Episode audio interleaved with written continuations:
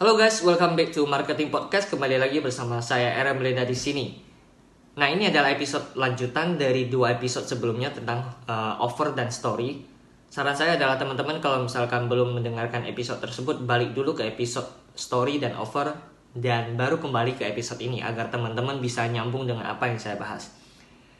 Nah, kalau Anda perhatikan apa sih yang membedakan marketer pro dengan marketer amatir di luar sana? Ya, jadi marketer pro itu dia tahu tugasnya itu adalah harus mensecure perhatian orang-orang yang menjadi target audiensnya dia.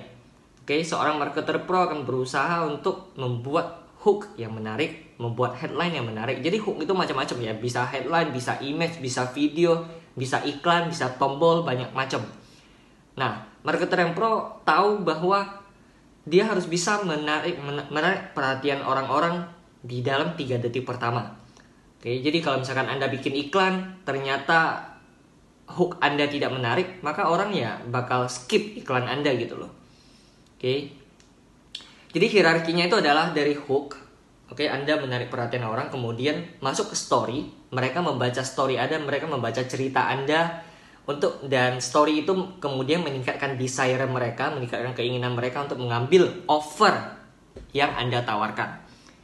Saya lihat kebanyakan orang itu masih struggling ketika uh, membuat hook. Ya, mereka masih belum mengerti bagaimana cara membuat hook yang menarik. Bagaimana Anda bisa tahu kalau hook Anda itu menarik apa enggak? Jadi gini, oke, okay? kalau misalkan Anda ingin iklan di Facebook, maka matriks yang harus Anda perhatikan itu adalah matriks-matriks bagian depan. Contohnya CTR, ya berapa click through rate-nya, berapa rasio orang ngeklik iklan Anda. Oke, okay? Kemudian jumlah kliknya berapa. Nah kalau misalkan uh, jumlah kliknya banyak, otomatis kita bisa asumsikan adalah ini hooknya sudah cukup menarik. Okay? headline-nya sudah cukup menarik, gambarnya sudah cukup menarik sehingga membuat orang mau berhenti scroll melihat iklan Anda kemudian mengklik iklan tersebut. Paham ya? Nah kalau misalkan cek uh, kliknya sedikit atau CTR-nya rendah maka Anda harus pikirkan bagaimana cara membuat iklan Anda membuat headline Anda menjadi lebih menarik, membuat gambar yang lebih mampu capture attention orang. Oke. Okay?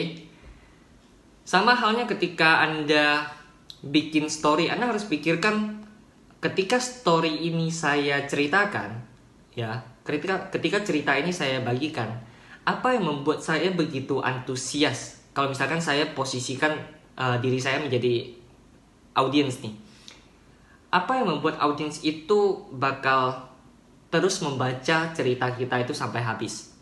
Oke. Okay? Misalkan ketika saya sedang preaching ya, saya sedang ceramah soal sales funnel. Kenapa saya begitu antusias? Kenapa saya begitu bersemangat ketika bercerita tentang sales funnel? Itu pertanyaan yang harus Anda tanyakan ke diri Anda sendiri. Ya. Jadi ada story-nya ada awal mulanya kenapa pada awalnya Anda yang tidak tertarik kemudian Anda menjadi tertarik. Nah, bagian itu yang harusnya Anda ceritakan di dalam story Anda. Saya dulu uh, sering melakukan kesalahan yaitu saya sering pitching, saya sering ceramah dengan menggunakan istilah-istilah alien yang tidak dimengerti oleh pembaca saya dan ya, ya mereka nggak ngerti apa yang saya omongin ya misalkan saya ngomong soal soal conversion rate lah saya ngomong soal tripwire lah saya ngomong soal lead magnet lah. Nah itu mereka ngerti semua. Oleh karena itu sekarang saya berusaha untuk uh, mengubahnya menjadi cerita. Uh, jadi alur ceritanya kurang lebih seperti ini. Bagaimana awalnya saya memulai bisnis online kemudian bagaimana caranya uh, saya mendatangkan pengunjung pada awalnya dengan menggunakan traffic gratisan. Saya mendatangkan pengunjung dengan cara-cara yang gratis tanpa harus iklan dan akhirnya saya berpindah ke Facebook Ads. Saya belajar iklan di Facebook Ads. Kemudian masuk ke WhatsApp dan menghasilkan profit tapi sedikit. Dan saya berusaha untuk menggunakan website lagi tapi ternyata profitnya itu masih belum bertambah signifikan. Saya mulai berpikiran bagaimana caranya saya bisa mendapatkan profit yang lebih. Oleh karena itu saya berusaha untuk uh, menambahkan upsell kemudian saya menambahkan downsell, kemudian dari situ saya mendapatkan profit tambahan dari setiap transaksi yang masuk. Dan saya bisa mendapatkan lebih banyak customer karena dari profit yang saya masuk saya gulungkan lagi ke iklan. Oke. Nah, setiap customer yang sudah ngambil upsell, downsell saya, kemudian saya tawarkan lagi mereka masuk ke funnel yang berikutnya. Saya tawarkan mereka lagi untuk masuk ke penawaran saya yang berikutnya, sehingga itu meningkatkan uh, lifetime value dari customer tersebut. Itu yang saya jelaskan sekarang ini. Ya, bahkan saya sampai analogikan apa itu upsell, apa itu downsell. Misalkan Anda ke McDonald, Anda ditawarkan uh, ketika Anda beli burger, Anda ditawarkan beli kentang, Anda ditawarkan minuman. Nah, itu adalah contoh upsell, contoh downsell. Jadi saya menggunakan cerita ya, bagaimana funnel mengubah hidup saya, bagaimana perjalanan saya dari awal tidak mengenal funnel, kemudian mengenal funnel dan akhirnya orang-orang dari situ mereka jadi paham, mereka jadi bisa relate ya dengan apa yang saya bagikan. Oke, Anda cuma harus menggrab bagian emosionalnya orang-orang dan orang-orang akan mampu uh, apa ya? mampu memahami secara logik dengan sendirinya. Oke, okay? jadi yang Anda harus attack pertama kali itu adalah dari segi emosionalnya terlebih dahulu. Nah, kalau Anda perhatikan saat-saat sekarang itu beriklan di Facebook maupun di Instagram ya maupun di Google Ads itu sudah semakin susah karena kompetisi sudah semakin ketat. Sudah banyak sekali hal-hal yang terjadi di luar sana dalam satu dua tahun belakangan ini. Ya, jadi Anda tidak bisa lagi menggunakan cara lama. Anda harus menggunakan cara yang baru. Anda harus bisa membuat hook yang menarik. Anda harus menggunakan story yang compelling. Anda harus membuat offer yang membuat orang merasa diri mereka itu tanda kutip idiot kalau mereka tidak mengambil offer Anda saat itu juga. Oke. Okay? Saya bahkan pernah membuat iklan ya dengan hook seperti ini. Saya langsung tulis saja satu, bangun pagi dengan semangat berapi-api. Dua, share kutipan motivasi di sosmed.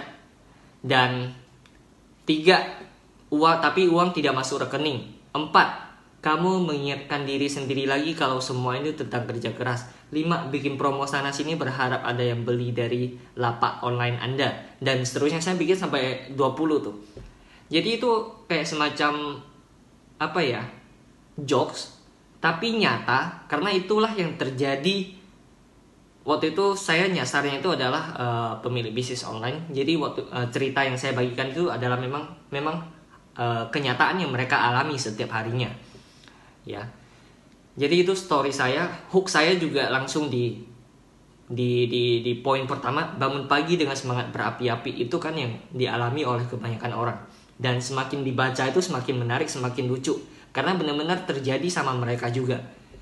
Nah, Anda harus mampu sampai seperti itu. Oke, okay? bikin sebuah hook yang menarik, kemudian story yang terus membuat mereka membaca sampai habis, kemudian terakhir Anda lemparkan over. Hmm, kalau misalkan Anda membuat hook seperti ini ya, Bagaimana caranya mendapatkan penghasilan dari bisnis online? Atau bagaimana caranya Anda membuat sales funnel yang efektif? Itu kurang menarik buat saya. Oke. Okay? Hook yang menarik itu contohnya seperti ini. Hmm, anda langsung tulisin website sudah mati tanda seru. Nah, orang bakal, wah, website sudah mati, serius loh jadi kalau mereka yang selama ini menggunakan website, mereka langsung, "Eh, ini apa nih? Ngomong apaan sih kok website udah mati?" Nah, ini itu itu adalah contoh hook yang menarik dan mampu menarik segelintir orang sesuai dengan target market yang Anda incar untuk memperhatikan apa yang Anda omongkan. Oke. Jadi kalau misalkan saya jualan landing page builder misalkan, saya mengkampanyekan soal sales funnel, otomatis saya akan selalu bilang website itu mati ya karena buat saya itu memang website itu nggak ada gunanya ya karena website itu tidak bisa menyampaikan pesan khusus kepada orang lain sesuai dengan uh, sales funnel yang kita bikin oke okay? eh, itu adalah contoh hook yang menarik ya jadi misalkan kalau contoh hook webinar oke okay? kayak rahasia punya bisnis dengan karyawan 170 orang dari jualan online tanpa stok tanpa modal, tanpa karyawan di awal memulai. Itu adalah contoh webinar di kita yang berhasil sampai hari ini. Ya. Karena orang-orang pasti penasaran gimana sih caranya punya bisnis dengan karyawan 170 orang dari jualan online tanpa stok pula, tanpa modal lagi, tanpa karyawan di awal mulai lagi dan akhirnya bisa 170 karyawan. Orang pasti penasaran. Nah, jadi hook Anda itu uh, harus menarik, harus bisa memancing uh, penasaran orang lain. Cara untuk membuat hook yang bagus, story yang bagus, offer yang bagus, saya seringnya itu lagi-lagi saya sering menggunakan istilah ini adalah reverse engineer. Oke. Okay? Anda tidak perlu apa ya?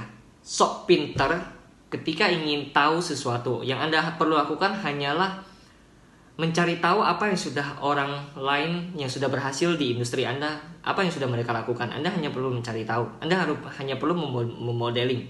Anda hanya perlu melihat uh, apa ya dari akhir resultnya itu sampai tarik tarik ke depan jadi misalkan uh, si dia mendapatkan penjualan lebih kurang 1000 sales dalam sebulan nah anda reverse engineer bagaimana caranya dia mendapatkan 1000 sales dalam sebulan oke okay? oh ternyata yang daftar itu adalah kebanyakan mahasiswa misalkan anda reverse engineer lagi gimana caranya dia menarik para mahasiswa ini oh ternyata dia iklan di Instagram.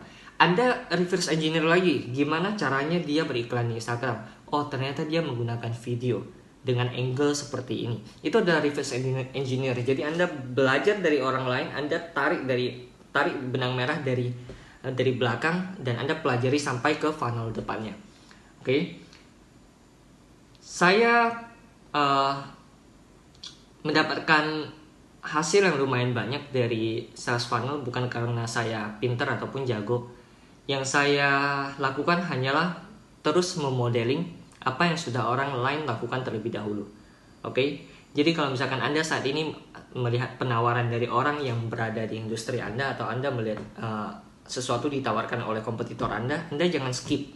Anda masuk ke kalau misalkan dia menggunakan website, silakan Anda masuk ya melihat bagaimana web tampilan websitenya kemudian bagaimana apa yang dia tawarkan di dalam website kemudian apa upsellnya apa downsellnya apa offernya bagaimana storynya nah itu yang seharusnya dilakukan oke itu juga yang setiap hari saya lakukan untuk memperbaiki funnel saya untuk meningkatkan conversion rate saya untuk uh, menemukan funnel-funnel mana sih yang lebih works dan dan ya basically itu yang saya lakukan setiap hari Oke, jadi Anda nggak harus reinvent sesuatu, Anda nggak harus menciptakan sesuatu yang baru ya. Anda hanya perlu lakukan hanyalah memodeling apa yang sudah berhasil. Oke, okay, that's all I think untuk hmm, podcast kali ini. Semoga bermanfaat. Silakan subscribe ke channel saya jika Anda belum subscribe untuk mendapatkan konten-konten seperti ini lebih banyak ke depannya. Oke, okay, semoga bermanfaat. See you in the next episode.